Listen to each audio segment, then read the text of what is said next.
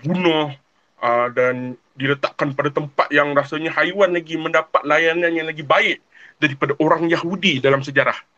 Jadi dalam perbincangan ni uh, saya akan lebih banyak menyentuh tentang layanan umat Islam atau orang Yahudi dan kemudian mungkin saya akan menjelaskan bahawa betapa tapak ini memiliki nilai-nilai yang sangat tinggi bukan sahaja kepada umat Islam tapi kepada umat Kristian itu sendiri dan juga kepada umat Yahudi. Kenapa kalau tidak tidak akanlah dalam sejarah tentera salib sanggup mengembara jauh daripada England dan Perancis, daripada Jerman di Eropah yang paling barat mata-mata untuk sebuah padang pasir yang uh, tidaklah berapa subur di wilayah Syam, Palestin. Mungkin ada sesuatu nilai yang sangat besar kepada orang Kristian. Dan kenapa pada hari ini tiba-tiba orang Kristian tidak lagi uh, bersemangat, memiliki semangat yang mereka ada dalam sejarah. Uh, dan mungkin saya akan juga bercerita tentang bagaimana uh, penindasan yang wujud di Baitul Maqdis dan Palestin pada hari ini bukan tertakluk kepada penganut agama Islam itu sendiri. Bahkan orang Kristian di Palestin dan Baitul Maqdis menjadi mangsa kekejaman Zionis itu sendiri. Jadi ini adalah pengenalan saya dalam kita untuk uh, membedah lebih dalam. Kita akan bersama bedah satu persatu bersama dengan Cikgu Nizam yang merupakan penulis kepada kitab Tamadun Yahudi yang akan diterbitkan pada hujung tahun ini bawah PT Publishing. Terima kasih. Okay, Cikgu Nizam kalau dah sedia boleh teruskan lanjutkan untuk uh, introduction untuk uh, mukadimah daripada sesi Cikgu Nizam sendiri sebelum kita pergi pada soal jawab silakan. Baik, uh, Assalamualaikum warahmatullahi wabarakatuh dan selamat sejahtera. Jadi saya tak se cakap apa? Tak sepopular Helmi Effendi lah sebab saya baru satu buku sahaja dan buku kedua insyaAllah dalam hujung tahun ni kita menulis berkenaan dengan Yahudi. Kitab Talmud Yahudi ni saya banyak cover daripada awal uh, kaum Yahudi sampailah kepada zaman sekarang lah. Maksudnya sampailah kepada zaman peperangan yang berlaku pada mutakhir ini. Jadi dalam pada apa yang kita akan perbincangkan bagi uh, peringkat saya di uh, di pihak saya kita akan banyak menceritakan berkenaan dengan sejarah Yahudi itu sendiri Okay, dan bagaimana daripada satu sejarah kepada sejarah yang lain, setiap Yahudi pada setiap peringkat tu sebenarnya terputus salah sila dia. Ha, dia terputus. Maksudnya dia tak adalah macam pada zaman macam kita kan sekarang ni kita ada uh, kita ada banyak nasab. Okay, kalau macam Arab dia punya nasab tu dia bersambung sampailah kepada Adnan dan Adnan sampailah kepada Sam bin Noh okay, untuk kaum Samiyah atau Semit.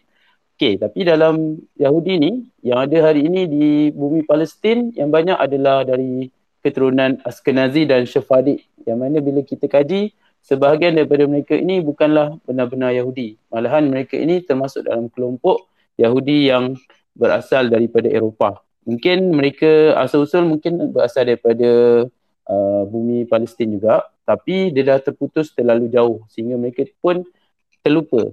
Okay. Bahasa mereka pun mereka terlupa. Sehingga kan bahasa mereka di revive semula pada zaman Usmania.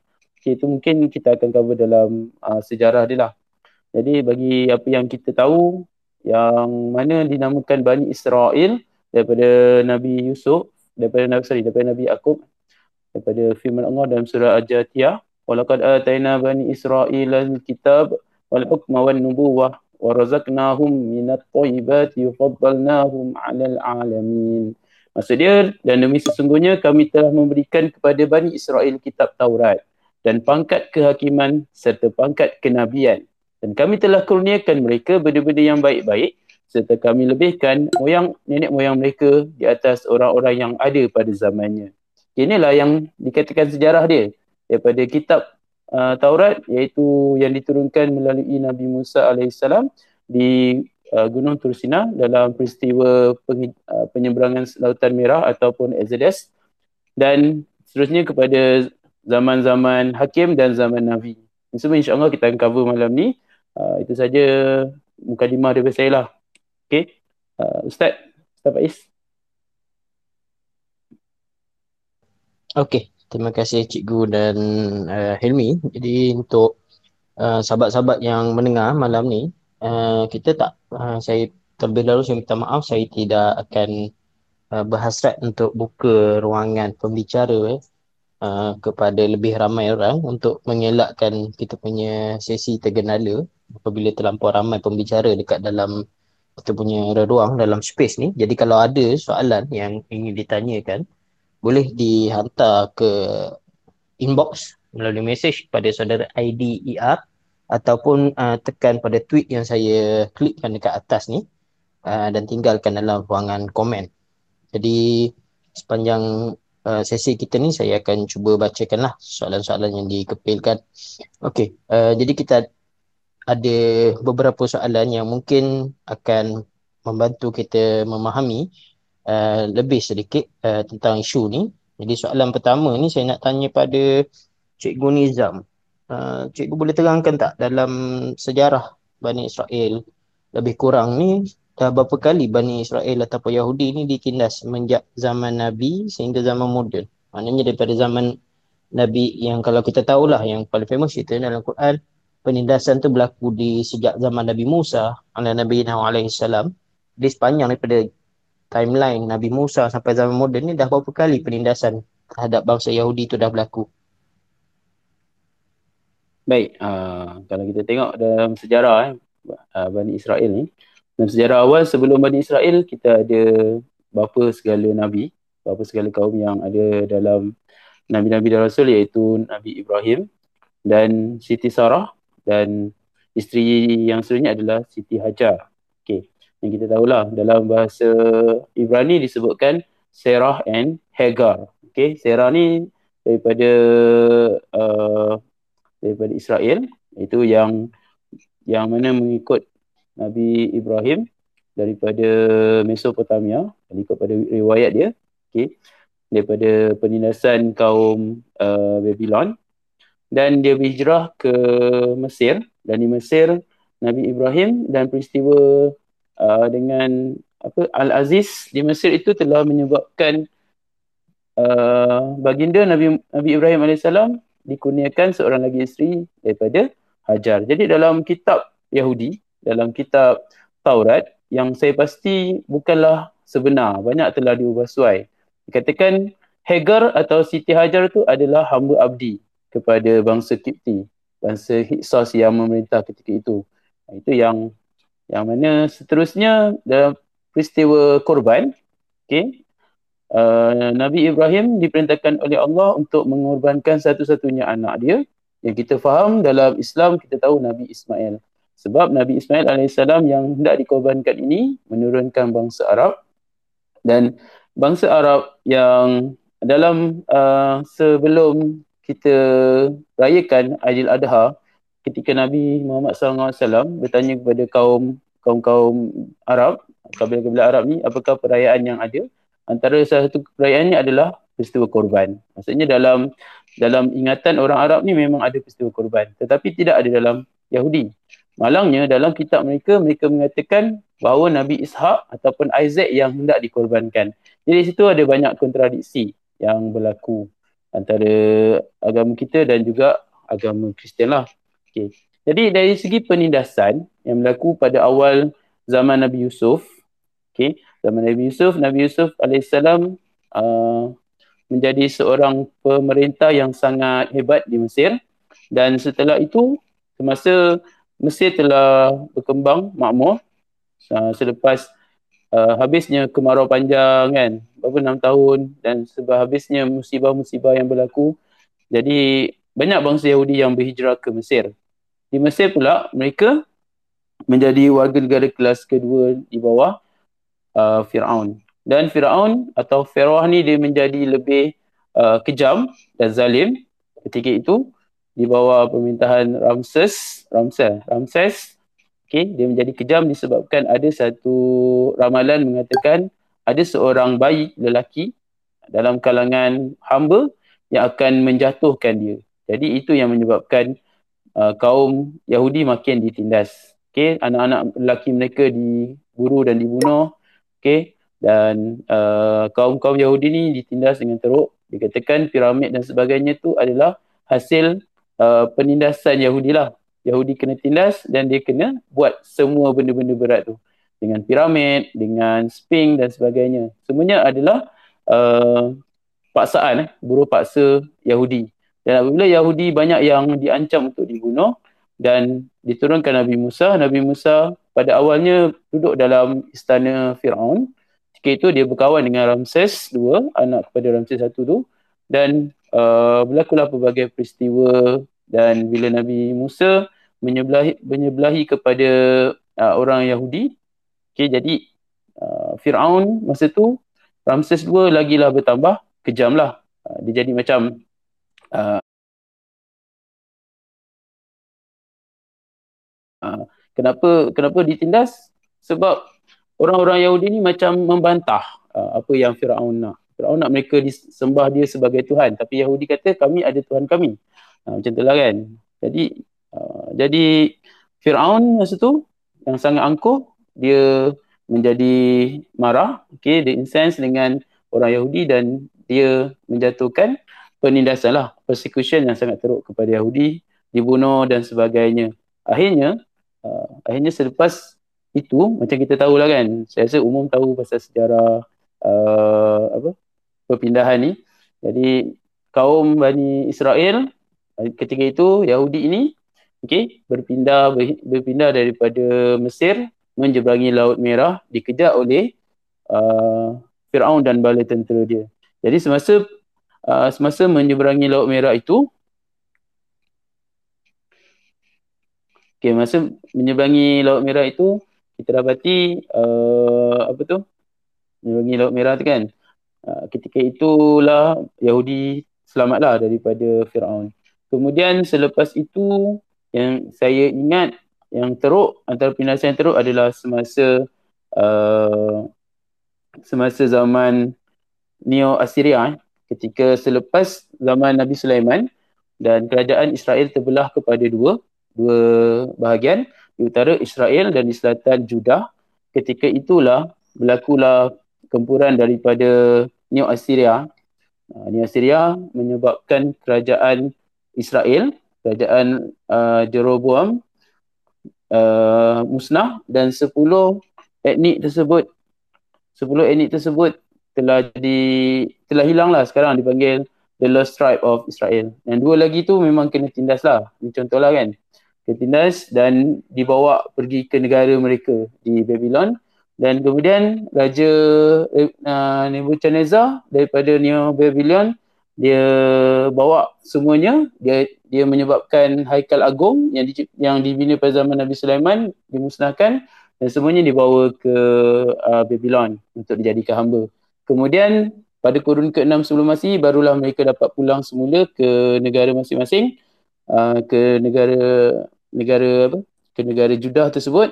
Dan seterusnya mereka pula uh, ditindas oleh bangsa Rom ditindas oleh bangsa Rom. Dan ketika itu berlakulah pemberontakan. Yang mana Titus the Great telah musnahkan Haikal yang kedua dan Titus the Great juga telah uh, sorry dan Hadrian daripada Rom telah membunuh dan mengusir semua orang Yahudi daripada bumi Palestin. Okay, daripada bumi daripada uh, Jerusalem sorry dan daripada Jerusalem tersebut nama ditukar kepada Alia Capitolina untuk uh, mengelakkan orang-orang Yahudi daripada masuk. Orang Yahudi semua tak boleh masuk ke dalam sana lagi lah okay. satu lagi yang penting saya nak ingatkan ketika Yahudi diperintah oleh raja mereka sendiri pun ditindas juga. Okay, Raja Herod membunuh banyak bayi-bayi lelaki dalam Yahudi. Uh, jadi itu adalah antara yang teruk lah. Dan seterusnya zaman Bizantin pun sama juga. Dan satu lagi zaman tentera salib pun semua Yahudi dibunuh. Senang cakap macam itulah okey baik. Itulah yang yang saya nak ceritalah pasal penindasan. Okey terima kasih Okey, terima kasih cikgu. Agak panjang tu penjelasan tentang uh, timeline lah uh, Bani Israel ataupun Yahudi. Uh, jadi sebelum saya pindah pada saudara Helmi untuk soalan berikutnya saya terlupa pat, patutnya pada intro ni kita sebutkan uh, Israel ni sebenarnya rujuk pada Nabi Yaakob berdasarkan firman Allah Taala dalam uh, surah Ali Imran kullu ta'ami kana hillan li bani Israel illa ma harrama Israelu ala nafsihi min qabli an tunzala at-taurah uh, dan setiap makanan adalah halal bagi Bani Israel kecuali apa yang diharamkan oleh Israel atas dirinya sendiri sebelum daripada diturunkan Taurat. Jadi Israel dekat sini merujuk kepada Nabi Yaqub ala Nabi Nuh alaihi salam uh, gelaran gelaran baginda. Jadi soalan berikutnya kita terus pada saudara Helmi. Jadi tadi kita dah tengok time frame macam mana Yahudi dengan begitu sejarah panjang dia beberapa kali ditindas. Uh, jadi kita nak tanya macam mana pula Baitul Maqdis ni boleh jadi satu tapak yang suci pula di sisi orang-orang Kristian. Silakan Helmi. Okey, bismillahirrahmanirrahim. Alhamdulillahirabbil Assalatu wassalamu ala asyrafil anbiya'i wal mursalin wa ala alihi washabbihi ajmain. Okey. Uh, sebenarnya kita, kita tahu bahawa tanah sekitar Palestin itu dikenali sebagai tanah nabi-nabi. Kerana di sinilah kebanyakan nabi uh, lahir berdakwah kepada Bani Israel, berdakwah kepada kaum Yahudi. Jadi bagaimana tapak ini menjadi sebuah tapak yang istimewa kepada orang Kristian. Dia sebenarnya uh, kalau yang tidak mengetahuinya, uh, di sinilah di mana tempat Nabi Isa lahir. Di sinilah tempat Nabi Isa lahir. Nabi Isa uh, Nabi Isa lahir dan uh, di mana kelahirannya menggegarkan seluruh Bani Israel dan Rom itu sendiri kerana kelahiran tanpa ayah. Sehingga Maryam dipaksa untuk, Maryam disuruh, disuduh sebagai melahirkan anak luar nikah. Tetapi Allah SWT di atas uh, perintahnya menuruh uh, Maryam untuk berpuasa daripada bercakap. Jadi daripada di sinilah dakwah-dakwah yang dilakukan oleh Nabi SAW dan akhirnya sehinggakan uh, dia dikianati ikut kepercayaan orang Kristian, dia disalib disalib dekat sini. Ikut kepercayaan orang Kristian dia disalib dekat sini. Tapi uh, ikut kepercayaan orang Islam sebelum dia disalib, dia Nabi Isa diangkat ke syurga, diangkat ke langit dan orang yang meng, orang yang uh, mendedahkan identitinya yang mengkhianatinya telah ditukarkan di tempat salib itu sendiri. Jadi di atas tempat uh, di atas tempat uh, di atas ni dibina sebuah gereja tau. Gereja yang khas dekat situ adalah di mana uh, kononnya diletakkan makam. Dekat makam itu ditempatkan apa? Makam Nabi Isa AS, makam Jesus. Gereja tu dipanggil sebagai sebuah gereja suci ni dibina di mana tempat uh, makam Jesus diletakkan dan di atas itu juga dipercayai bahawa Jesus dibangkitkan daripada kematian berdasarkan kepercayaan orang Kristian itu sendiri.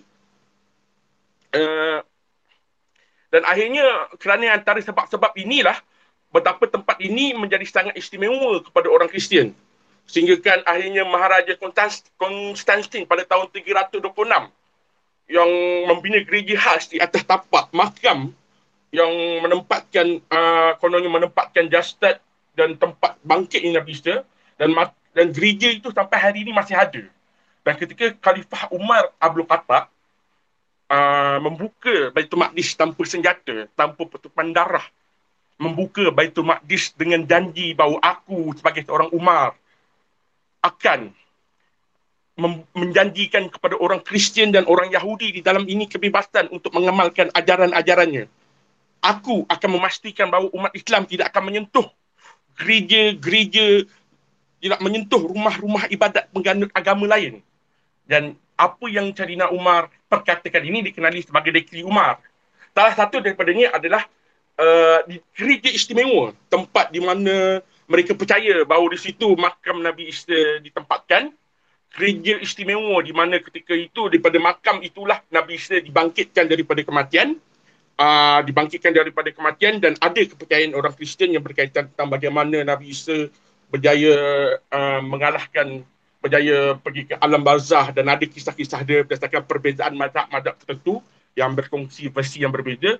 Tapi dekat sinilah di mana ketika Umar Abdul Khattab dijemput oleh paderi gereja mulia uh, yang dibina oleh Maharaja Konstantin ini untuk solat dekat situ, Khalifah Umar mengatakan bahawa aku tidak akan solat di sini sebab aku takut bila mana aku solat di sini nanti aku takut umat Islam akan menggunakan alasan yang sama untuk membangunkan masjid di atas tapak ini.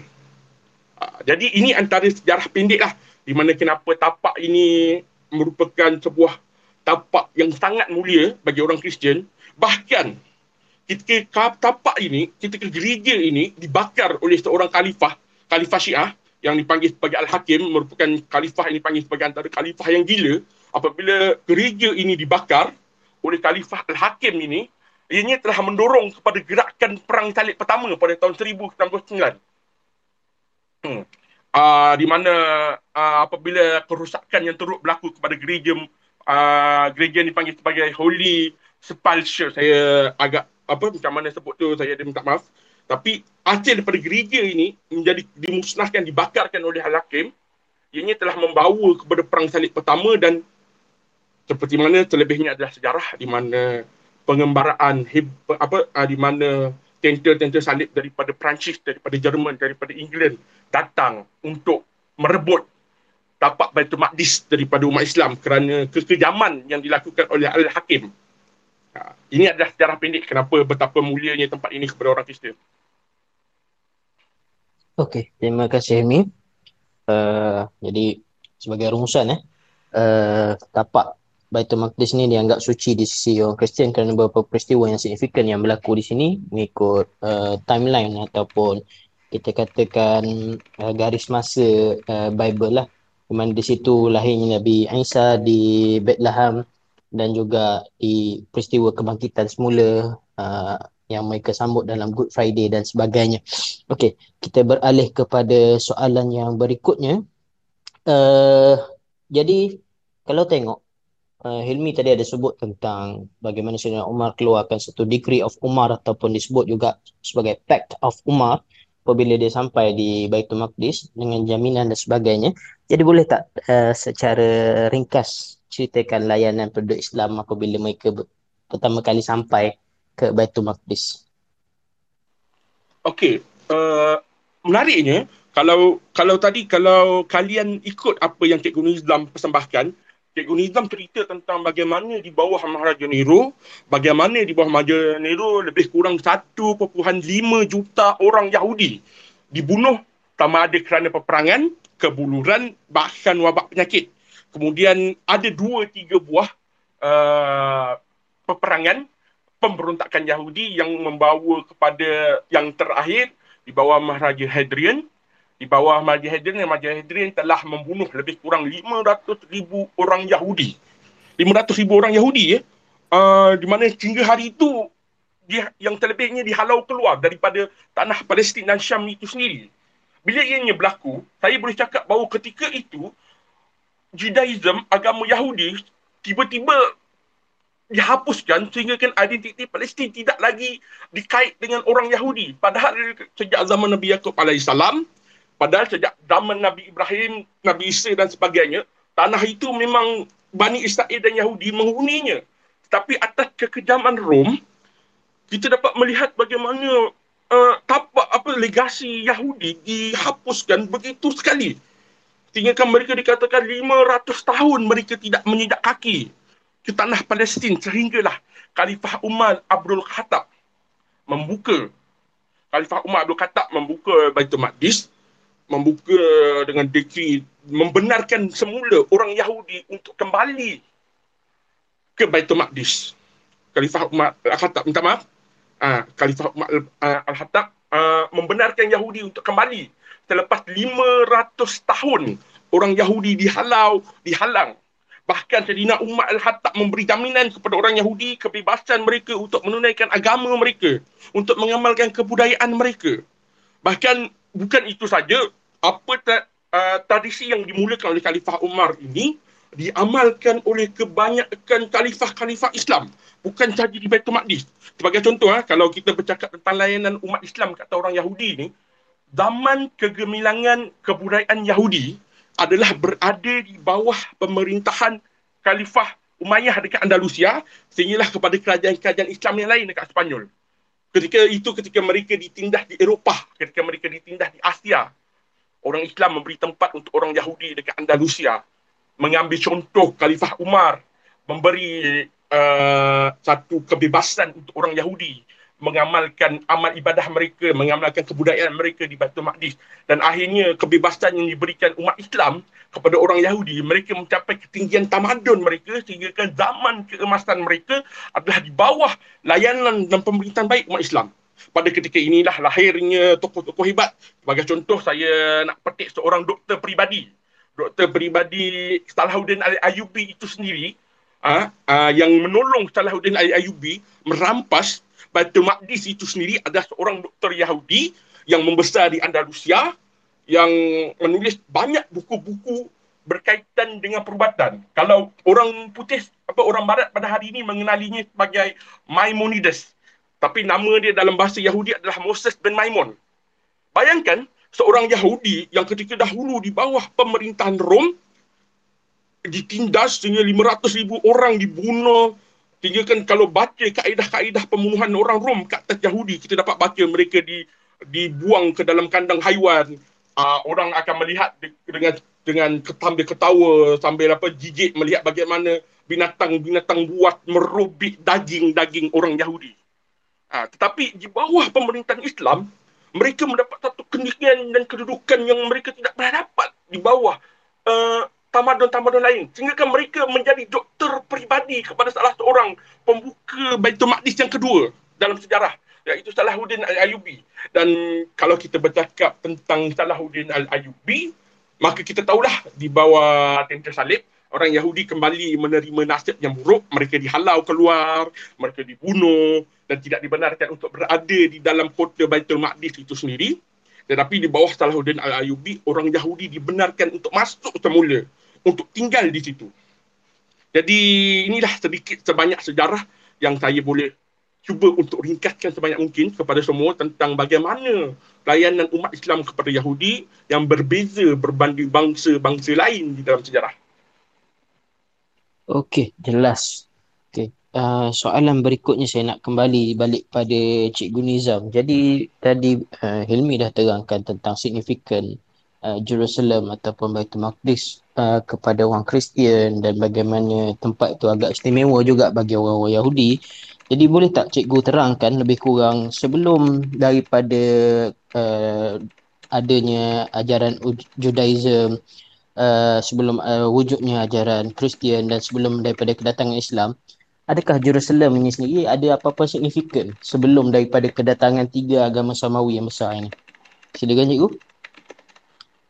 Baik, uh, kalau ikut pada sejarah sebelum, sebelum kedatangan Nabi Ibrahim alaihissalam ke sana pun, tanah tersebut dikenali sebagai negeri orang Kanan. Okay, orang Kanan ni adalah na- nama lain bagi bukan nama lain lah dalam bahasa Arab ataupun biasa kita kenal sebagai orang Phoenician. Orang Phoenician ni ada riwayat mengatakan dia keturunan Ham bin Noh, ada juga yang mengatakan dia keturunan Sam bin Noh.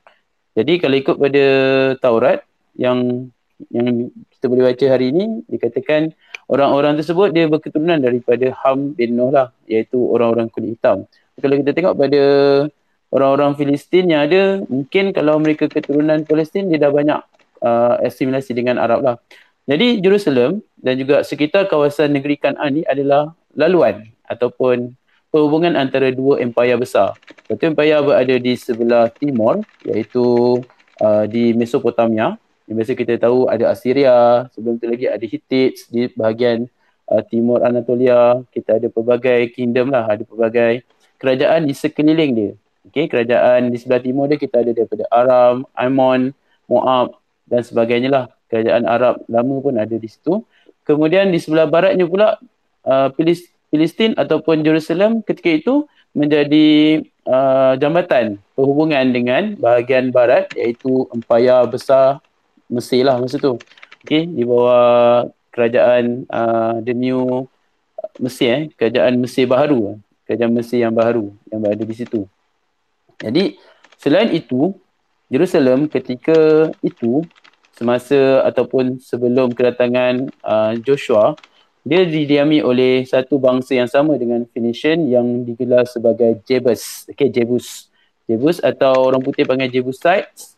Inilah yang uh, pemilik asal Jerusalem. Okay, uh, Bukit Moriah tu ketika Nabi Ibrahim sampai diduduki oleh orang-orang Jebus. Okay, orang Jebus ni adalah orang-orang laut ataupun orang Phoenicia yang berada lah. Jadi uh, inilah tapak dia lah. Inilah yang kaum asal yang ada sebelum kedatangan orang-orang Yahudi ke sini. Ha, itu yang saya nak terangkan lah. Saja, terima kasih. Maknanya sebelum daripada tiga-tiga agama besar ni uh, muncul, maknanya Jerusalem ni bukanlah satu tapak ataupun satu tempat yang agak signifikan lah untuk mana-mana bangsa pun ketika tu betul lah cikgu? Ya, dia sebenarnya dia memang dia ada kaitan dengan negeri Kanaan tu. Maksudnya negeri Phoenician. Uh, yang mana kalau orang Filistin dia duduk lebih ke arah pantai iaitu daripada laut Mediterranean dan juga orang Jebusite ni lebih kepada Gihon String apa uh, spring air anak mata air Gihon yang berada di sekeliling bukit uh, Moria tu iaitu di sekeliling Jerusalem. Di situlah penempatan asal mereka sebelum Nabi Daud membeli tanah orang-orang Jebus untuk membuat the city of David. Uh, itulah signifikan dia dekat situlah. Pada awalnya memang mereka harmoni lah kan. Sebelum berlaku perang. Perang di mana uh, Kingdom of Israel ni selepas Nabi Sulaiman ni dia tak berapa nak harmoni dengan orang selain daripada bangsa mereka. Uh, dia macam zaman sekarang lah. Sebab tu mereka akhirnya bila mereka kalah perang mereka ditindas sampailah kepada selepas Nabi Musa membuka semula uh, sorry uh, apa zaman Nabi Joshua membuka semula Jerusalem ni. Hmm. Itulah signifikan yang saya dapat nilai lah daripada pembacaan dalam sejarah kan. Dan Jerusalem ni adalah lebih kepada macam cakap apa? Uh, laluan. Macam kita kat Malaysia, Melaka tu sebagai pelabuhan antarabangsa kan. Jerusalem ni macam tu lah sebagai pusat perdagangan antarabangsa yang menjadi laluan antara timur dan barat antara kerajaan-kerajaan di bahagian Mesopotamia atau Sumeria dengan kerajaan-kerajaan yang berada di Mesir. Ini sebelum daripada ketiga-tiga uh, agama Samawi ini menjadi agama utama di dunia lah. Okay, Ustaz. Okey, kita beralih balik kepada Helmi. Ha, tadi Helmi dah cerita dengan begitu panjang lebarnya macam mana baik layanan orang Islam terhadap orang Yahudi ketika mana uh, zaman Khalifah Umar dan juga di zaman Salahuddin Ayyubi. Uh, boleh Helmi terangkan tak apa motif ataupun uh, yang menyebabkan orang Islam melayan orang-orang Yahudi dengan begitu baik ketika tu?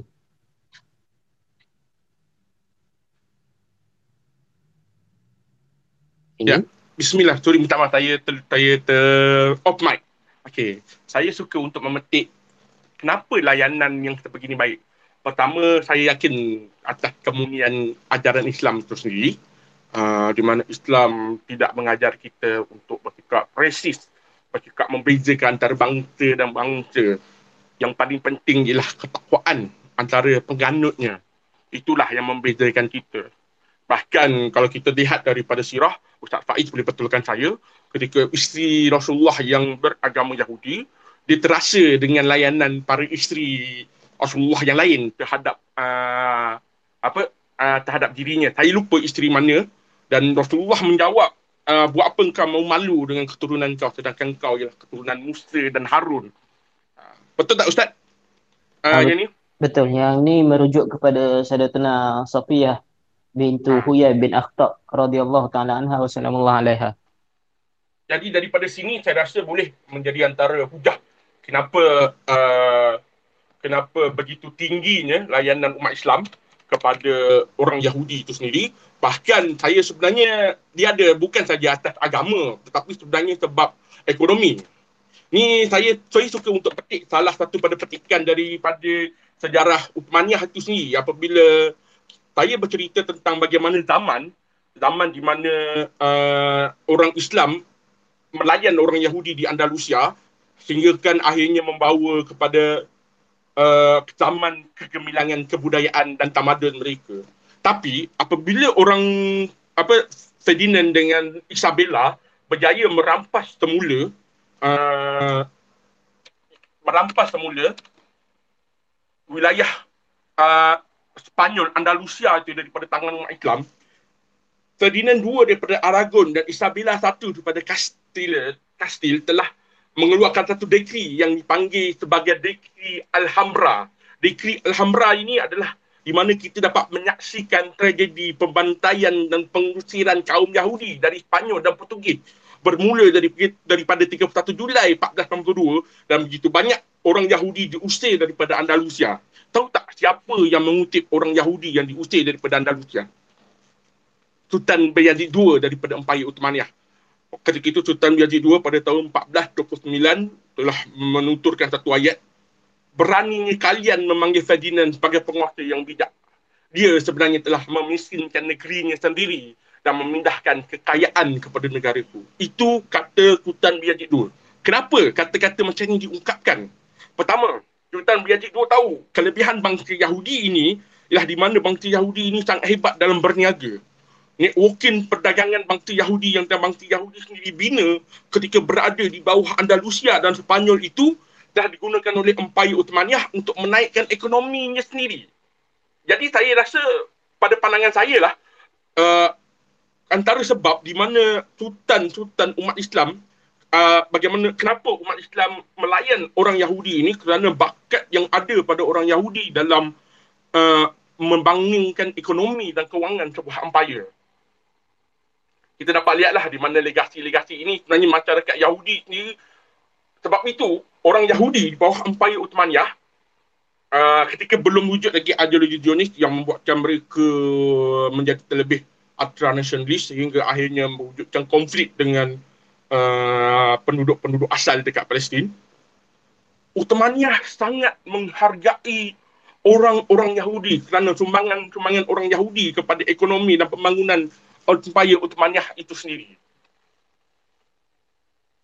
Dan uh, sebab itulah uh, saya berpendapat bahawa selain daripada ajaran Islam itu sendiri yang mengangkat bahawa kita tidak harus membezakan bangsa bahkan Islam tidak pernah uh, mengutuk keturunan kerana kalau seseorang didirikan Yahudi maka dia terkutuk terhina ini dapat dibuktikan kisah isteri Rasulullah yang terasa uh, tadi apa kisah isteri Rasulullah yang terasa dengan layanan isteri-isteri Nabi yang lain dan akhirnya Nabi mengatakan bahawa kau tidak perlu malu dengan keturunan kau kerana kau ada keturunan Musa dan Harun.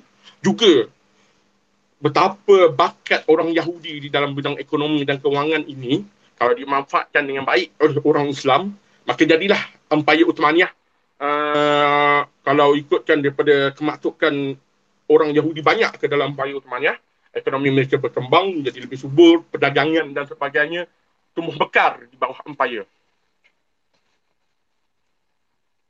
Okey, jelas. Okey, kita berbalik semula kepada Cikgu Nizam. Okay, jadi kita dah tahu tadi Jerusalem lebih pada sebagai um, sebagai pelabuhan utama ataupun sebagai kota perdagangan sebelum daripada kedatangan uh, tiga agama besar yang kita sebutkan tadi Judaism, Islam dan Kristian. Uh, boleh cikgu terangkan juga tak adakah uh, betul yang dikatakan petikan daripada Taurat ataupun daripada uh, Old Testament yang menyatakan bahawa Israel adalah bangsa terpilih daripada Tuhan dan dijanjikan promised land. Ini mungkin cikgu boleh terangkan secara ringkas. Baik, uh, kalau ikut pada Taurat eh, banyak ayat yang mengatakan mereka ni adalah bangsa terpilih kerana mereka memilih untuk beriman kepada uh, Tuhan lah kepada kalau ikut pada dia panggil tetramogram eh. nama Tuhan iaitu Yahweh. Okey, yang mana orang hari ini menamakan sebagai Yahweh, Yahweh sebagai Tuhan dalam uh, bahasa Ibrani dan bahasa Yahudi lah kan. Jadi dikatakan pada uh, kitab ulangan atau Deuteronomy, okey, ayat uh, kitab 14 ayat 2 mengatakan orang-orang yang Yahudi ni terpilih untuk mengikuti untuk um, mentadbir sebab mereka mengikut Yahweh. Jadi kalau ada kalau ada uh, rumah-rumah suci kan rumah-rumah suci orang lain, rumah suci yang menyembah kepada Tuhan lain perlu dimusnahkan. Inilah kan. Perlu mendasarkan tempat-tempat bangsa yang lain. Uh, di mana di atas gunung ke di bawah bukit ke di setiap pohon yang rindang dan sebagainya dan mestilah mestilah kena menyembah hanya kepada Yahweh. Uh, jadi kenapa dalam kitab Torah, okay, dalam Torah ni mengatakan mereka ni terpilih sebab mereka memilih untuk beriman kepada Yahweh lah. Ni kalau macam kita punya literasi, kita tahu uh, sebelum ini para uh, Bani Israel yang mengikuti para nabi seperti Nabi Musa kan Nabi Nabi-Nabi sebelumnya dan selepasnya okay, banyak yang beriman dengan sebenar-benar iman. Jadi mereka ni lah yang terpilih. Inilah yang diceritakan dalam kitab-kitab Taurat ni tadi. Okay, dari dalam uh, dalam kitab Exodus, Exodus pun ada mengatakan uh, dalam dia punya terjemahan lah kan. Now therefore if you will obey my voice indeed and keep my covenant, then you shall be a peculiar treasure unto me from all the peoples, for all the earth is mine. Okay, maksudnya dia katakan uh, orang-orang Yahudi ni ada kelebihan yang lebih daripada orang-orang lain di atas bumi yang milik Tuhan ini. Okay, selepas itu juga kalau kita tengok dalam Genesis, kitab kejadian, kitab 17 ayat 7, mengatakan, And I will establish my covenant between me and you and your descendants after you in their generations for an everlasting covenant to be God to you and your descendant after you. So dia daripada ayat tersebut, uh, ayat tersebut mengatakan kepada Nabi Ibrahim, sebenarnya ayat ni kepada descendant Nabi Ibrahim atau Abraham. Tapi orang-orang Yahudi mengatakan ini adalah kepada mereka sebab mereka adalah direct descendant of uh, Israel dari descendant of Nabi Yaakob Nabi Yaakob adalah keturunan Nabi Ishak dan Nabi Ibrahim okay. Isaac and Abraham jadi mereka pun mengatakan mereka adalah keturunan yang terpilih okay. everlasting covenant okay. Uh, yang mana dikatakan Tuhan hanya bersama dengan kamu dan keturunan kamu sahaja jadi kalau kita tengok dalam Al-Quran kita ada cerita pasal Nabi Ibrahim yang mana keturunan dia menjadi bangsa terpilih untuk menjadi nabi-nabi dan rasul-rasul. Inilah yang yang sebenar sebenarnya maksud dia. Tapi orang-orang Yahudi mereka mengatakan oh, Tuhan memilih kami sebagai bangsa terpilih. Uh, ada banyak lagi lah. Ada beberapa ayat yang berada dalam kitab Taurat. Eh. Dan juga dalam kitab kitab Taurat ni, kalau kita tengok pada apa yang disusun oleh orang-orang Yahudi pada masa uh, legasi mereka melalui judahan nasi iaitu zaman Tanaim. Okay, Tanaim ni maksudnya orang yang yang apa menulis lah, guru utama yang menulis semula. Okay, yang mana sebelum tu ada zaman Ezra Scribe kan. Zaman Ezra, Ezra atau Nabi Uzair ni yang mana hanya Nabi Uzair saja yang ingat semua yang ditulis oleh uh, Nabi Musa ataupun yang ditulis bukan yang ditulis maksudnya kitab yang diturunkan kepada Nabi Musa dan juga suhuf-suhuf yang diturunkan. Jadi collection ini dinamakan sebagai kitab tanah. Tanah ni adalah akronim, bukan nama yang khusus. Tanah ni akronim. Ta tu mewakili Torah ataupun kitab Taurat. Ada lima bahagian kitab Taurat. Kemudian uh, nah tu daripada kataan Navy. Navy ni maksudnya Nabi lah dalam bahasa Arab. Navy, Navy maksudnya Nabi-Nabi. Ada banyak Nabi-Nabi macam Joshua, Amos apa semua kan. Ada banyak lah Nabi-Nabi yang, dis, yang ada suhuf-suhuf yang disusun bersama. Dan yang terakhir kita ada Ketuvim. Ketuvim ni juga adalah bukan nabi yang uh, yang kita tahulah dia lebih kepada nabi-nabi kecil dalam Bani Israel. Ada yang mungkin mungkin bukan tak pangkat nabi pun dalam Islam kan. Tapi kalau kita tengok dalam Islam uh, yang kita faham ada 124 ribu nabi kan tu tak Ustaz? Kita ada 100 lebih kurang 124 ribu nabi, 343 rasul kan. Jadi kebanyakannya adalah daripada Bani Israel. Dan itulah yang menulis, yang mana ada, bukan menulis lah, yang mana yang ada suhuf yang disusun bersama dengan kitab Taurat. Dipanggil kitab tanah. Ataupun dalam bahasa Inggeris, dia adalah kitab uh, dipanggil written law lah, undang-undang bertulis. Dan sebenarnya, yang mana yang ada hari ini, semuanya diterjemahkan daripada Septuagint. Septuagint ni maksudnya dia zaman dahulu diterjemahkan ke dalam bahasa Yunani dan sekarang diterjemahkan balik dalam bahasa Hebrew. Macam pening sikit lah kan cara dia orang menyusun semula kitab ni pada zaman dahulu, pada zaman uh, Rabai dulu, pada Rabai. Okay. Jadi uh, berbalik ke soalan tadi, kan memang kalau ikut pada kitab kitab Taurat ni memang orang Yahudi sangat berbangga yang mana mereka mengatakan mereka adalah bangsa terpilih uh, forever dia kata uh, okay God with us kan dia kata God God uh, to be God to you and your descendants after you. Maksudnya uh, Tuhan akan merahmati kamu dan juga keturunan-keturunan kamu. Jadi orang Yahudi pun semuanya berbangga mengatakan mereka lah keturunan Abraham. Tanpa mereka sedari uh, yang mana Nabi Ibrahim juga ada anak yang lain iaitu Nabi Ismail. Dan juga kalau ikut pada sejarah sirah ada dalam Taurat juga ada seorang lagi nabi, ada dua orang lagi isteri, satu tak tahu nama dia dan satu lagi adalah keturah. Okey. Ini inilah keturunan besar Nabi Ibrahim yang menjadi para nabi dan rasulullah. Okey. Itu saja yang saya nak sampaikan Ustaz. Terima kasih. Okey, uh, kita berbalik pada Helmi balik. Okey. Jadi, uh, tadi Helmi dah cerita layanan yang baik uh, orang Islam kepada orang Yahudi dan sebagainya. Okey, jadi kita nak pergi pada soalan yang berikutnya. Jadi bila kita dah faham uh, macam mana Jerusalem dah jadi satu tempat yang signifikan pada orang Kristian juga. Jadi kenapa umat Kristian yang sekarang tak berminat untuk menguasai Jerusalem walaupun mereka bermati-matian mempertahankan tempat ni dulu daripada Yahudi dan Islam? Adakah mereka dalam konteks zaman sekarang ni lebih mempercayai Zionis untuk memelihara uh, Jerusalem? Silakan Helmi. Uh, buka mic dulu eh. Okey, minta maaf saya. Okey, uh, dalam kita untuk uh, mengetahui kenapa boleh terjadinya perang salib pertama, saya nak ulang balik ke, ke awal dulu.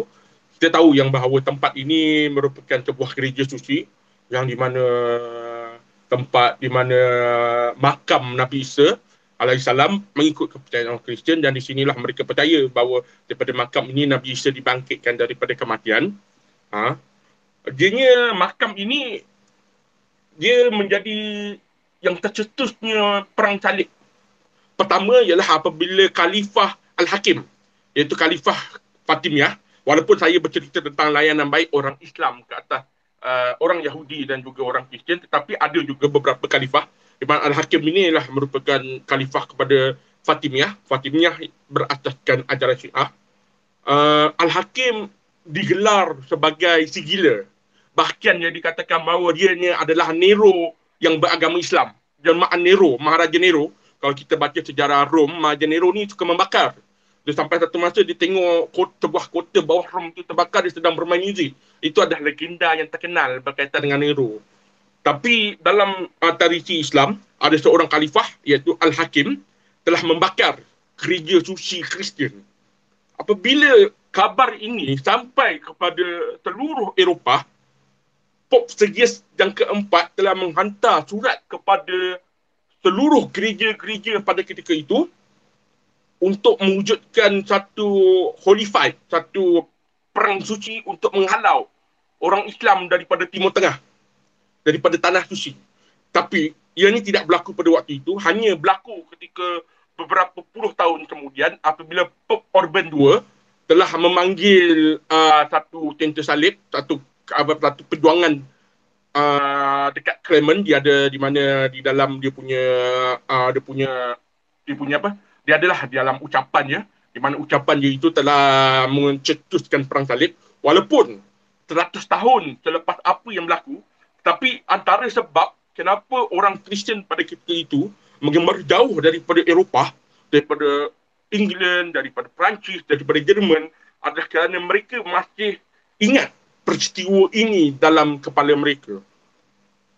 Untuk hari ini pula, saya percaya salah satu daripada sebabnya ialah uh, dunia Kristian terutama dunia barat, Eropah barat dan juga benua Amerika, uh, Renaissance dan juga reformasi yang berlaku ketika zaman Eropah dulu telah menjadikan dunia Eropah sebagai sekular.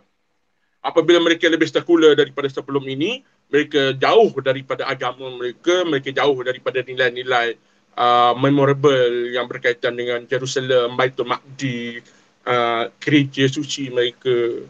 Uh, jadi tidak ada, mungkin ini telah membuatkan mereka tidak merasakan lagi satu perkaitan yang rapat berbanding ketika seribu Masihi dahulu. Di mana ketika itu orang-orang Eropah sangat kuat pegangan agama Kristiannya mendengarkan sebuah gereja suci mereka dibakar oleh seorang khalifah yang terkenal dengan kegilaannya. Uh, The Mat, Al-Hakim The Mat kalau itulah yang apa terkenal gelaran untuk khalifah Al-Hakim. Uh, kalau peristiwa yang sama berlaku pun pada hari ini sebab peristiwa ni sebenarnya berlaku penindasan orang Zionis terhadap orang-orang Kristian Ortodok di Jerusalem itu sendiri, di Baitul Maqdis itu sendiri. Tetapi mesej ini tidak sampai kepada mereka. Barangkali media tidak begitu memaparkan sangat penindasan ke atas umat-umat Kristian. Dan bahkan bukan saja umat Kristian Ortodok dekat sana, Katolik pun sendiri menerima uh, layanan yang sama oleh Zionis, oleh Zionis. Uh, dalam masa yang sama, kenapa hari ini kita melihat adanya orang Kristian yang menyokong kepada perjuangan Zionis ni adalah saya ingin memanggil golongan ini sebagai Christian Zionism. Ah, di mana mereka ini adalah terdiri daripada uh, mereka yang mazhab yang terasing daripada mazhab Kristian utama sendiri dekat Eropah dan Amerika mereka ni adalah terdiri daripada gerakan evangelis dekat Amerika. Mereka menafsir ayat-ayat Bible tanpa autoriti ilmu dan mereka juga membuat ramalan-ramalan akhir zaman mereka tersendiri berkaitan dengan Israel. Uh, sebagai contoh, perang enam hari yang melibatkan di mana kemenangan yang dianggap sangat ajaib Israel berjaya mengalahkan negara-negara Arab yang saling bekerjasama uh, uh, dalam masa enam hari saja golongan evangelis ini memandang evangelis ini memandang bahawa ini adalah tanda keajaiban bahawa uh, akhir zaman telah tiba. Jadi mereka membuat kesimpulan bahawa ini ialah Bani Israel yang disebut dalam kitab mereka Book Ezekiel. Jadi golongan-golongan ini mereka tidak mahu ingkar kepada takdir Tuhan. Jadi mereka tak nak macam mereka takut bahawa apa yang mereka buat ini akan melanggar apa yang takdir Tuhan telah letakkan kepada Bani Israel. Jadi mereka memberi sokongan penuh. Sebab itulah pemimpin-pemimpin uh, Amerika sendiri ada yang menganut fahaman ini. Contohnya George W. Bush. Uh, mereka dia pernah apa? Menganggap bahawa uh, negara seperti Rusia, Iraq, Syria adalah Ya'jud dan Ma'jud. Uh, jadi mereka dia pernah menelefon seorang presiden Perancis uh, di dalam telefon tu dia menganggap bahawa negara-negara ini perlu dihapuskan sebab mengancam keselamatan Bani Israel. Jadi uh, dan hari ini pula mazhab yang nama yang saya yang kita boleh panggil sebagai Christian Zionism ini dianuti oleh sebahagian daripada golongan-golongan rakyat dekat Amerika Syarikat golongan-golongan konservatif, golongan-golongan yang uh, nasionalis dekat sana. Jadi sebab itulah dan akhirnya uh, impak yang sama juga saya nampak berjangkit pula kepada sahabat-sahabat segelintir sahabat-sahabat Kristian kita dekat Malaysia uh, yang tidak tahu bahawa sesungguhnya saudara-saudara mereka yang beragama Kristian dekat Palestin ditindas oleh Zionis sebab Zionis seperti mana yang dikatakan oleh uh, Cikgu Nizam mereka ada kepercayaan sendiri bahawa mereka adalah bangsa terpilih dan sebagainya. Jadi dalam fahaman Zionis ni mereka memandang bahawa perlunya mereka memandang perlunya untuk uh, Baitul Maqdis ini sebagai untuk mengasbahkan penaklukan mereka ke atas Palestin. Jadi percaya apabila mereka melakukannya, mereka telah memenuhi ramalan kitab Taurat itu sendiri bahawa Bani Israel akan kembali ke Palestin dan mendirikan semula Haikal Sulaiman yang telah dibakar oleh Maharaja Rom sebelum ni. Uh, Maharaja Rom, Haikal Sulaiman. Saya tak silap di bawah pemerintah Maharaja Nero ataupun Hadrian itu sendiri yang telah membakar Haikal Sulaiman. Cikgu Nizam, uh, Haikal Sulaiman dibakar oleh Hadrian ya? Betulkan saya kalau saya salah? Cikgu Nizam? Okay, saya sorry, mic tak buka. okay, okay. Uh, Haikal Sulaiman yang yang pertama tu dibakar pada zaman Raja uh, apa ni? Nimrod tu, zaman Neo Babylonia. Uh, yang okay. dibakar oleh Titus the Great. Maharaja Rom? Maharaja Oh, Titus. Titus masa dia belum jadi maharaja lagi kan, dia dibakar. Uh, pada tahun 70 Masihi tu, itu adalah haikal kedua ataupun dipanggil haikal Herod. Uh, second temple lah. Dan yang dipredik pada masa akan datang ni adalah haikal ketiga lah. Yang diorang predik. Oh, inilah yang ini nak cuba untuk membina semula kan? Yes. Uh, haikal Sulaiman yang ketiga kan? Yang uh, mana jadi, kalau ikut pada cakap, sejarah, kalau ikut pada arkeologi, banyak uh, yang mengatakan bahawa Masjidil Aqsa tu sebenarnya adalah tapak haikal pertama dan Dome of Rock adalah tapak Haikal kedua dan Bastion of Rome. Rome ada buat satu bastion dekat atas tu lah. Jadi situ adalah tapak dia. Hmm. La- ada altar Jadi- yang besar tu. Okay. Jadi golongan evangelis Kristian ni, ah, ah, mereka percaya selepas mereka melihat keajaiban-keajaiban yang dicapai oleh Israel. Keajaiban lah kata mereka. Tapi kalau kita sebagai seorang peminat ah, sejarah militeri, ketenteraan, kita tahu kemenangan-kemenangan Israel ni ada sebab kelemahan orang Arab itu sendiri. Perpecahan antara mereka walaupun nampak bersatu pada mukanya tetapi di belakangnya setiap pakatan tentera itu ada maklumat masing-masing kelemahan teknologi dan sebagainya. Tetapi apa yang terjadi kemenangan demi kemenangan Israel ini membuatkan golongan-golongan yang bukanlah mazhab utama, aliran utama tetapi yang terasing dalam mazhab Kristian itu sendiri mereka uh, percaya bahawa akhirnya ramalan bahawa Bani Israel akan kembali dan uh, membina apa Bani Israel akan kembali dan membina apa, apa Haikal Sulaiman yang baru adalah Israel yang merujuk kepada Israel pada hari ini. Okey. Uh, panjang lebar tu penjelasan. Okey. Uh, kita masuk pada uh, soalan yang berikutnya. Yang ni nak tanya pada Cikgu Nizam. Okey. Uh, jadi kalau tengok daripada konteks hari ni, ada tak uh, boleh terangkan sikit tentang muslihat British yang menimbulkan masalah uh, Palestin hari ni? Maknanya daripada Declaration of Balfour yang menyebabkan kemasukan uh, Yahudi beramai-ramai ke Palestin. Silakan cikgu. Baik, kalau kita tengok pada sejarah yang mana British ni memang menjadi punca lah pergolakan bukan setakat di bumi Palestin. Negara kita pun sama kan. Di mana-mana tempat di dunia yang ada campur tangan British memang jadi masalah termasuklah di Mesir. Okay? Jadi kalau kita tengok di bumi Palestin, semuanya bermula daripada Perang Dunia Pertama. Yang mana masa tu perikatan uh, kuasa pusat ataupun Central Empire atau Central Power di antara Jerman, Austria-Hungary, Bulgaria dan Uthmania dan juga Itali ketika itu masih memihak kepada Jerman sangat kuat sehingga kan British sangat takut. British masa tu buat uh, apa perikatan uh, kuasa bersekutunya hanya dengan Perancis dan Rusia.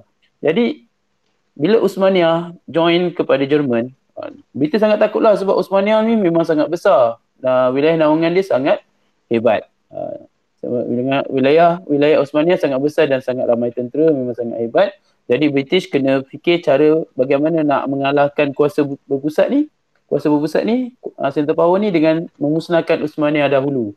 Jadi dia cari jalan untuk cari anai-anai dalam Uthmania, untuk cari api dalam sekam, gunting dalam lipatan untuk memusnahkan Uthmania dari dalam.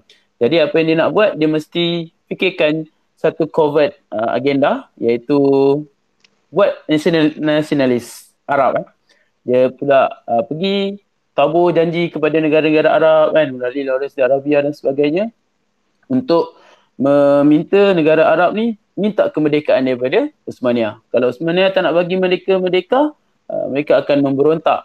Dan bila mereka memberontak, British janjikan negara Arab ni dapat satu empayar baharu yang mana khalifah Arab ketika itu uh, Bani Hashim akan jadi akan jadi ketua. Bani Hashim akan jadi uh, melalui Syekh ha, Hussein, Syekh Hussein akan jadi ketua ni lah jadi uh, amir atau khalifah bagi empayar baharu Arab yang lain daripada bangsa Turki. Banyak Arab ni pun dia tak suka dijajah oleh Turki pada ketika itulah walaupun kita tahu Turki Turki ni dia apa? Turki ni dia membentuk empayar Islam kan tapi Arab sebenarnya dia tetap tak suka dijajah oleh bangsa selain daripada bangsa mereka lah. Jadi dia pun janjikanlah Palestin ni sebagai sebagai tanah sebagai uh, salah satu daripada bahagian negara Arab.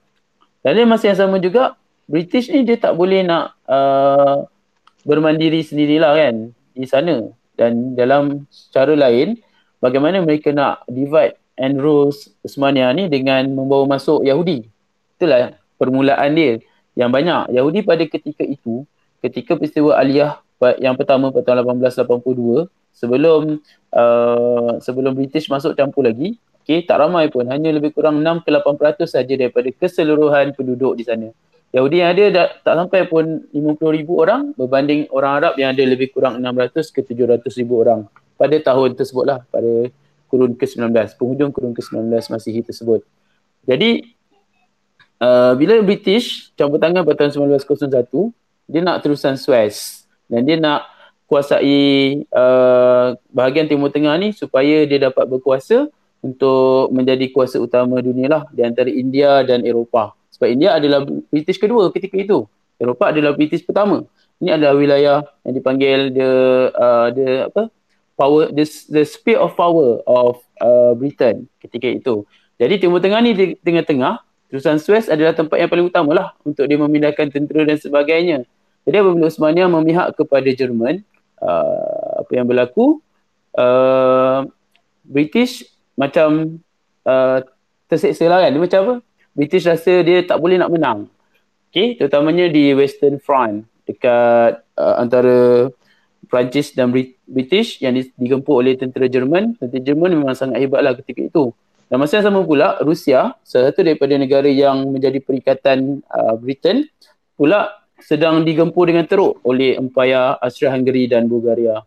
Jadi memang ketika itu uh, ketika itu memang British dalam keadaan terdesak lah. Memang terdesak sangat. Jadi bagaimana cara dia nak menang memang dengan cara musnahkan Usmania. Senang je cerita dia. Kita musnahkan Usmania dari dalam dulu. Okay, musnahkan Usmania.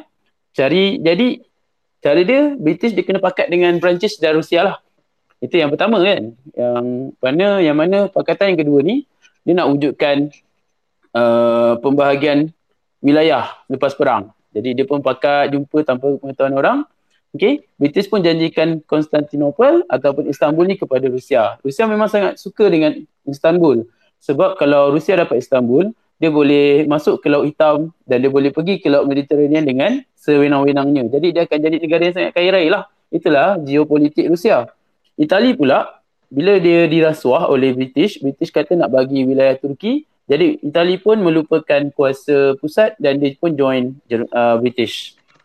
Okay, Selain daripada itu juga, nasionalisme Arab dan Turki disemaikan oleh British untuk melemahkan Turki Osmaniyah apabila pemuda Turki rampas kuasa buat kudita pada tahun 1908. Itulah permulaan di mana Turki Osmaniyah melemahlah sebelum uh, dikembalikan balik kepada Sultan. Sebenarnya sebelum kemerdekaan, Turki Osmaniyah dirampas kuasa dulu oleh pemuda Turki.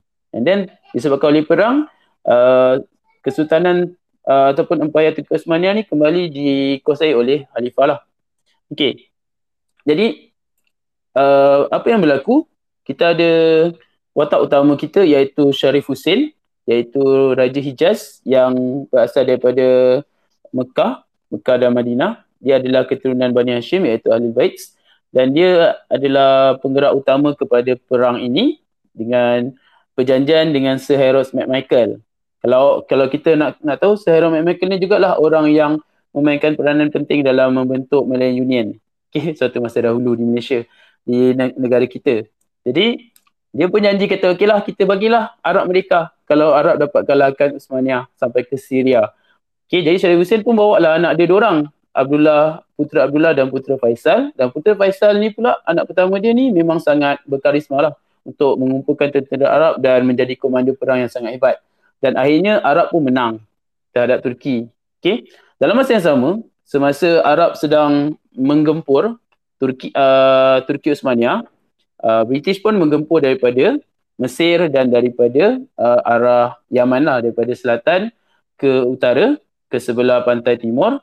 Uh, kemudian daripada Mesir menyeberangi terusan Suez dan menggempur ke arah uh, Sinai dan terus ke Palestin. Itu adalah serangan yang dibuat oleh British bila Arab berjaya sampai ke Syria. Jadi dia memang memang jahat lah sebenarnya. Senang cakap kan. Bila tengok Arab semua dah hampir menang baru dia masuk. Uh, dengan dia punya segala kelengkapan. Arab pula serang gunakan unta dan kuda.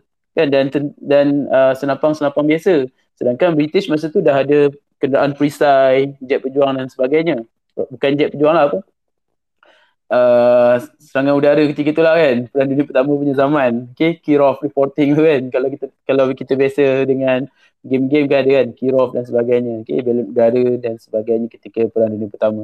Okay, kita dah ada dah uh, lapangan dah ada dah kapal terbang ringan. Okay tapi tak sehebat Jepun lah zaman Jepun tu. Okay baik. Alright alright. Jadi tanpa pengetahuan pihak Arab tanpa pengetahuan pihak Arab, British Okay, tanpa pengetahuan Arab tadi, British pun buat perjanjian senyap-senyap di London antara Mark Sykes dengan rakan Perancis dia, Francois George Picot pada tahun 1916 dan ketika itu berlakulah perjanjian Sykes-Picot untuk memisahkan bahagian A dan bahagian B antara British dan uh, British dan Perancis. Okay. Jadi uh, apa yang dijanjikan oleh British kepada Arab adalah untuk memberikan kemerdekaan dan wilayah daripada Syria sampailah ke uh, Mesir, sampailah ke Yaman, semuanya uh, apa? Wilayah daripada Mesir sampai ke Yaman tu semuanya uh, sorry. Okay, semuanya menjadi wilayah Arab lah. Jadi itu dah janji mereka. Tapi pada Perancis pula dia janjikan dia nak pisahkan Perancis dengan uh, Britain dekat kawasan yang dipanggil kawasan Zone A dan Zone B. Okay uh, British nakkan kawasan minyak Iraq dan Perancis nakkan kawasan Syria dan Lebanon sebagai kota pelabuhan. Uh, okay. Satu lagi, satu lagi bila uh, British hampir kalah, sebenarnya British hampir kalah dalam perang dengan Jerman. Bila dia hampir kalah, dia fikir macam mana nak menang, dia pun fikir ada dua je. Satu, Rusia yang sedang kalah dan sedang digempur oleh parti Bolshevik, dia nak pikat parti Bolshevik untuk menyokong mereka satu lagi US untuk US campur tangan. Tapi US masa tu War tak nak campur tangan. US masa tak nak masukkan tentera dia. Walaupun dia atas paper je kata dia menyertai perikatan tapi dia tak pun hantar tentera. Okay. Rusia pula yang ketiga itu telah dimenangi oleh Bolshevik Party dalam uh, dalam apa dalam pilihan raya dia dan uh, SAR dijatuhkan kan ketika itu. Jadi Britain rasa baik kita berhubung dengan Rusia. Okay. Bila dia nak berhubung dengan Rusia ni dia uh, dia fikir dekat Rusia ni uh, Bolshevik parti ni banyak orang Yahudi. Banyak sangat orang Yahudi yang memainkan peranan dekat sana. Jadi apa dia kata kita kena uh, ambil hati orang Yahudi. Itulah yang dipanggil Balfour. Balfour ketika itu pula uh, oh, Menteri Luar ni dia rasa okey seronok lah kan kita tanya Yahudi dan akhirnya dia buat perjanjian dipanggil deklarasi Balfour. Deklarasi Balfour ni pula dibuat tanpa persetujuan daripada mana-mana pihak lain. Hanya antara hanya British je tiba-tiba dia buat deklarasi. Okey, kita nak wujudkan negara Yahudi. Senang je kan? Kita nak wujudkan negara Yahudi. Tapi bila Balfour dah umum, bila Bolshevik Party menang, okay, Rusia tak dia pula nak membantu British. Malahan ketika itu, Parti Bolshevik buka uh, arcade uh, Tsar Rusia dan dia keluarkan surat-surat rahsia yang dihantar oleh British kepada SAR. Dan antara dia macam semualah tindakan-tindakan musihat British untuk menang Perang Dunia Pertama. Ketika itulah memang sebenarnya deklarasi Balfour ni adalah gerakan yang paling silap dalam sejarah British. Tapi kesan dia sampailah ke hari ini. Yang mana bila British tak boleh nak nak lawan apa, tak boleh nak cope lah dengan masalah ni dekat Timur Tengah, dia pas pada League of Nations lah yang baru itu bukan selepas perjanjian Versailles. Uh, and then diwujudkanlah mandat uh, Perancis ambil bahagian A dan British ambil bahagian B dalam mandat tu. Okay, inilah yang berlaku konflik. Dan konflik bertambah teruk bila British bawa masuk lebih banyak Yahudi sampai jadi terlalu ramai. Arab memberontak dan Yahudi pula bila Arab memberontak sebab dia ada ada ke, kelebihan dalam kemahiran eh, yang dia dapat daripada British melalui Irgun, Lehi dan juga Haganah diserang balik dan ketika Perang Dunia Kedua meletus, British sangat-sangat uh, teruklah dan British dipaksa untuk melepaskan jajahan dia. British pun menghadkan waktu mandat dia kepada 15 Mei 1948. Tapi untuk mengelakkan vacuum of power dekat kawasan tu, uh, Ben Gurion, Perdana Menteri Israel yang pertama, declare kemerdekaan pada 14 hari bulan. Maksud dia, maksud dia apa? Maksud dia, uh, 15 hari bulan baru British Mandate keluar, 14 hari bulan Yahudi dah declare kemerdekaan. Jadi Arab pun eh asal pula ada declare kemerdekaan? Itu yang Papa Arab pergi serang uh, Israel ketika yang ketika ditubuhkan pada 1948. Dan ketika itulah yang teruk yang teruk adalah orang-orang Palestin yang ada kat situ. Itu yang dipanggil peristiwa Nakbah kan sehingga kan uh, dikatakan 700 ribu hingga 900 ribu orang jadi pelarian ketika itu.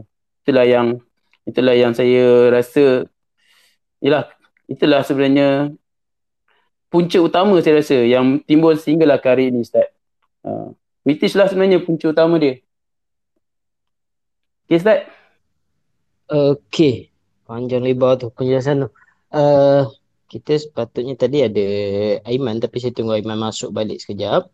Uh, sebab ada satu soalan ni saya ingat memang uh, yang lebih layak untuk ulas lah isu isu uh, ataupun bagi jawapan daripada uh, soalan yang masuk ni Aiman. Uh, sementara tunggu Aiman masuk, soalan yang berikut untuk Helmi ni uh, secara ringkas tadi kita dah sebut sikit tentang uh, Salahuddin Al-Ayubi menakluki Baitul Maqdis boleh terang tak uh, strategi yang digunakan Salahuddin untuk menakluki Baitul Maqdis? Hmm. Okey.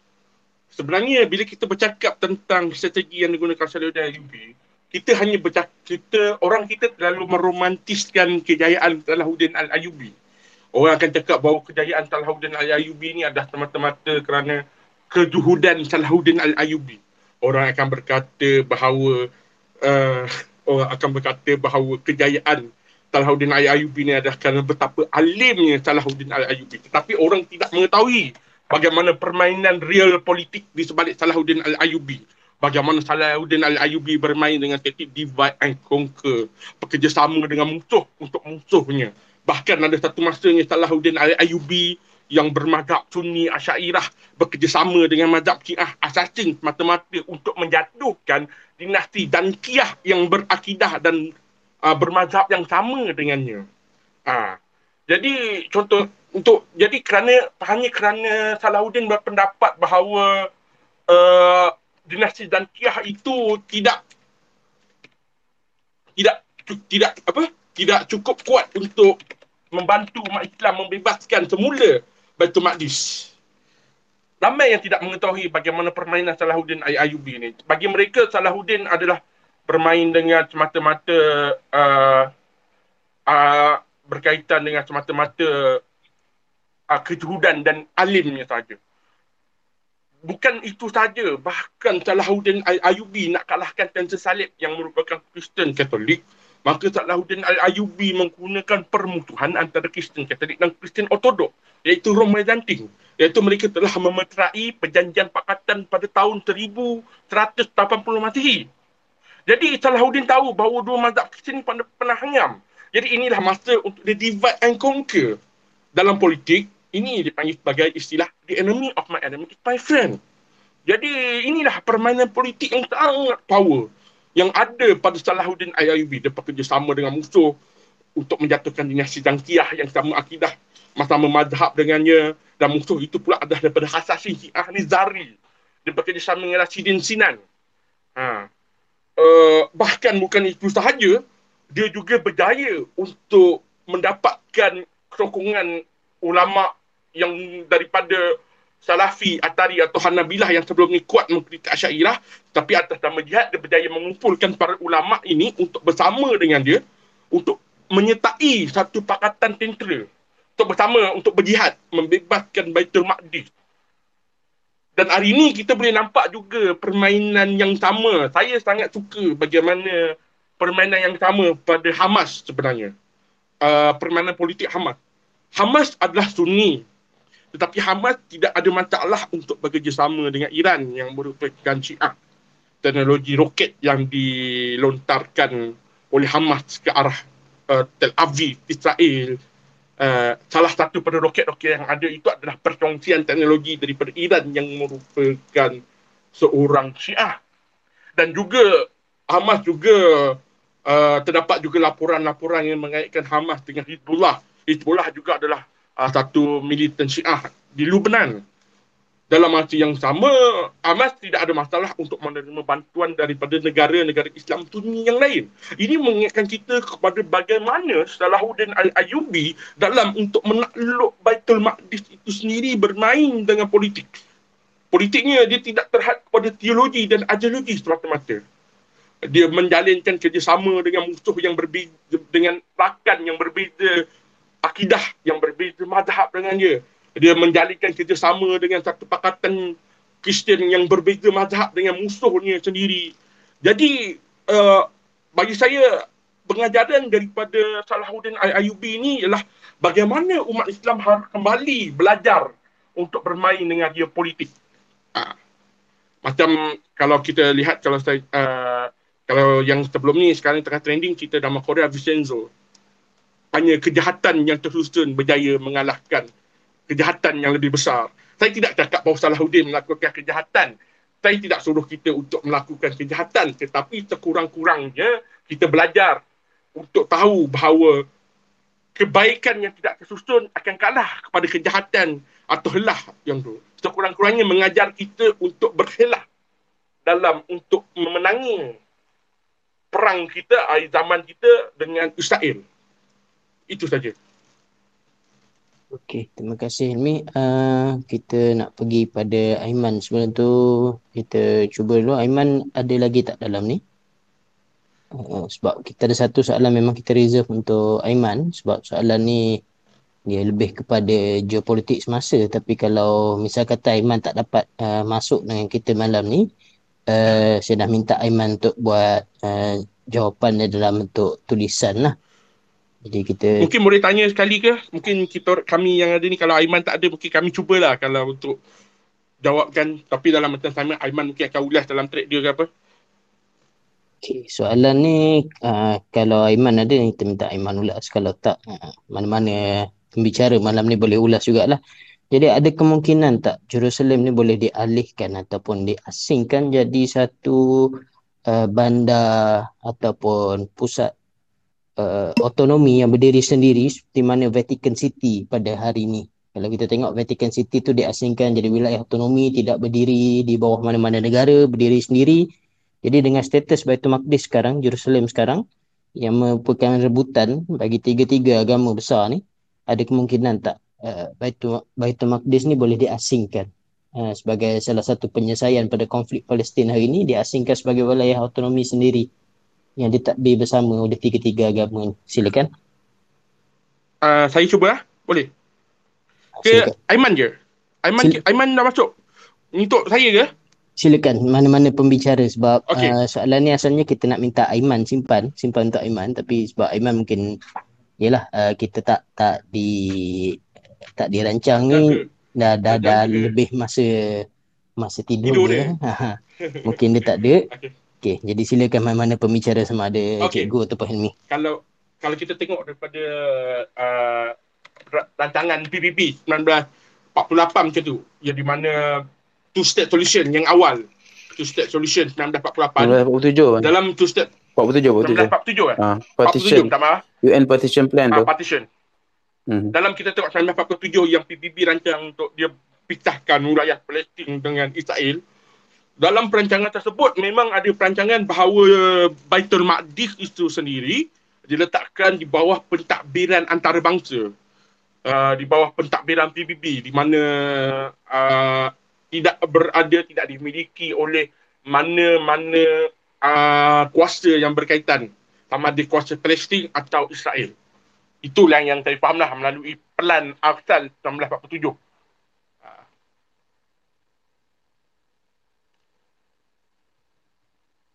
Okay. Terus pada soalan tadi. Okay, dia macam mana? Sebab Jerusalem ni dia atau Baitul Maqdis ni dia memang jadi rebutan daripada zaman dulu. Jadi kalau orang Yahudi sebenarnya dia memang nak tapi dia tak boleh nak uh, ambil kesemua Jerusalem kan terpaksa dipisahkan antara Jerusalem Timur dan Barat disebabkan oleh perjanjian antarabangsa tu Armistice tahun 1973 uh, selepas Yom Kippur selepas uh, tahun 67 selepas bulan hari dia dapat jajah tapi dia terpaksa asingkan mengikut perjanjian Kini terpaksa lah ni cerita pasal orang Yahudi ni bila kita kata dia terpaksa dia memang terpaksa lah kan. Tapi kalau kita tengok pada uh, perjanjian tahun 73 Yom Kippur, dia terpaksa pisahkan kepada dua. Jadi kota suci iaitu All City of Jerusalem ni dibahagikan kepada dua. Uh, bahagian timur dan barat. Dan kalau kita tengok pada US zaman uh, siapa ni? Sebelum Joe Biden ni. Trump-Trump macam tu lah nama dia kan. Uh, zaman Trump ni pun dia orang zaman Trump ni pun dia dah dia nak jadikan kedua-duanya ni sebagai ibu kota kepada uh, orang Yahudi. Jadi memang memang dia nak rebut pun sebenarnya. Tapi disebabkan geopolitik semasa dia tak boleh nak rebut. Okay, saya rasa saudara Aiman dah ada. Minta saudara Aiman Gasut. Okey, uh, Aiman dah boleh masuk ke? Dah, dah, dah. Uh, ulang Okey. soalan sekejap. Okey. Soalan tadi uh, kita buka balik sekejap eh. Saya pun dah dah, dah ter, terhilang sekejap. Okey. Boleh tak Jerusalem ni jadi status independent city, wilayah otonomi seperti mana Vatican City dalam situasi hari ni lah. Maknanya nak elakkan konflik sebab Yahudi nak rebut je tempat Yahudi, Islam pun nak rebut je tempat Islam. So ada kemungkinan tak Jerusalem ni boleh berdiri sendiri sebagai wilayah otonomi macam Vatican City?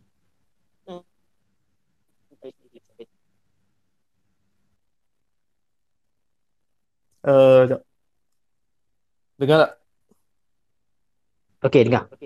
Ah, dia macam ni, ah, saya jawab bandit lah. So, Vatican ni dia case dia beza. Dia bukan digaranti oleh undang-undang antarabangsa. Sebab Vatican ni asalnya dia adalah negara Pope. Maksudnya Pope dia ada tanah, dia jadikan satu negara. So di zaman Machiavelli tu, Pope ni dia siap ada tentera sendiri. Dia lantik an- anak dia sendiri jadi apa ketua tentera. Hanya sehingga selepas Itali menubuhkan negara, satu negara bangsa yang bersatu, baru Vatican ni dia hilanglah signifikan dia. So itu bezanya Vatican dengan case Jerusalem. So untuk Jerusalem ni asalnya memang ikutkan plan UN tu dia nak menjadikan dia sebagai international city. Dia panggil corpus separatum. Cuma itulah resolusi 181 1947 tu tak dapat nak dilaksanakan kerana uh, negara-negara Arab tolak, Israel pun tolak lah. So selepas perang 1949 tu dia bahagikan kepada dua. Yang barat tu Israel ambil, timur tu uh, Jordan ambil. So selepas perang 1967 uh, Israel tawan sekali dengan bahagian timur. So di timur tu lah terletaknya tempat Al-Aqsa dan juga apa tempat suci orang Yahudi lah. So seterusnya pada 1980 Israel isytiharkan seluruh Jerusalem adalah ibu negara Israel yang tidak boleh dipisahkan. Dia panggil indivisible city. So itulah cerita dia. So even walaupun asalnya dia nak jadikan international city tapi memandangkan perkembangan semasa seluruh kota dah dijatuh ke tangan Yahudi tu so nampak susah lah nak diimplement dan ap, dan apalagi dengan two state solution yang juga menjadikan East Jerusalem tu ibu kota kepada Palestin itu lagi merumitkan keadaan sebab bagi orang Yahudi bagi orang Kristian mereka sangsi lah bagi satu kota suci tu jatuh ke tangan di bawah rejim umat Islam tu. So basically idea corpus separatum tu dah kira macam idea yang dah mati lah. Okey, uh, padat ulasan Aiman. Jadi itulah gambaran yang kita dapat eh. Uh, status tanah tu me, tidak memungkinkan untuk uh, Jerusalem dijadikan sebagai satu uh, negeri otonomi yang berdiri sendiri di mana Vatican City. Okey, jadi kita kira perbincangan kita uh, untuk malam ni selesai di sini. Kita dah menghampiri jam 10 suku. Sebenarnya yang sesi sebelumnya kita takkan uh, berhenti lebih lewat daripada ni untuk membolehkan masing-masing daripada kita uh, bergerak dengan urusan masing-masing. Esoknya mungkin ada yang bekerja dan sebagainya. Jadi kesempatan ni kita ucapkan terima kasih kepada saudara Helmi dan Cikgu Nizam selaku pembicara utama kita malam ni dan penampilan uh, istimewa saudara Iman uh, yang sudi juga mengorbankan masa rehat dia uh, untuk soalan terakhir tu. Uh, soalan tu agak agak penting kat situ dan saya mohon maaf jika ada soalan-soalan yang dihantar kepada saya melalui inbox yang saya tak dapat buka sepanjang saya kendalikan sesi space untuk mengelakkan sesi kita ni uh, crash ataupun uh, hilang macam tu. Uh, jadi insyaAllah akan datang kita akan adakan lagi sesi space yang berikutnya dengan tajuk yang berbeza. Dan kalau tak silap saya, eh, saudara ID, kita hari lusa eh, uh, dengan bekas pengaman PBB. Hari lusa tu? Ya, lusa. Okey. Jadi untuk hari lusa kita akan dengar uh, perkongsian salah seorang daripada penulis The Patriots juga dan merupakan bekas tentera pengaman PBB, tentera pengaman PBB yang dihantar daripada Malaysia. Jadi untuk sahabat-sahabat yang berkelapangan boleh uh, tunggu pengumuman seterusnya dan juga untuk buku-buku keluaran Patriots Publishing yang dilancarkan beberapa hari lepas uh, dimaklumkan uh, kebanyakannya dah habis stok uh, akibat sambutan yang luar biasa dan menurut kata Helmi uh, kita Ya, tengah saya. tambah stok kan tengah tambah stok Uh, dia untuk buku, kita untuk pengetahuan semua, 44 buah buku habis dijual, judul 14, 44 judul habis dijual dalam masa 2 hari dan 44 itu sedang dicetak dekat kilang. Kalau ada PKP, maksud dia lagi lambat lah dia akan restock. Kalau tidak ada PKP yang total lockdown, uh, insyaAllah kami akan pastikan dalam minggu ni kita akan top up balik.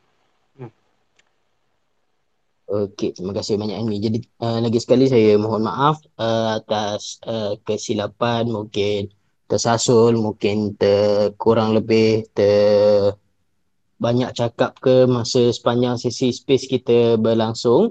Um, tapi saya rasa insyaAllah dengan perkongsian yang agak banyak input daripada kedua-dua pembicara utama kita dapat menambahkan sedikit sebanyak pengetahuan kita tentang uh, pengetahuan sejarah kita tentang apa yang berlaku di Palestin yang membawa kepada konflik yang berlaku pada hari ini. Terima kasih banyak kepada sudi yang mendengar terutamanya daripada awal sesi sampai habis dan selesai insyaAllah. Nantikan sesi yang berikutnya kita akan maklumkan dalam tempoh sehari dua ni. Uh, terima kasih banyak. Assalamualaikum warahmatullahi wabarakatuh dan selamat malam.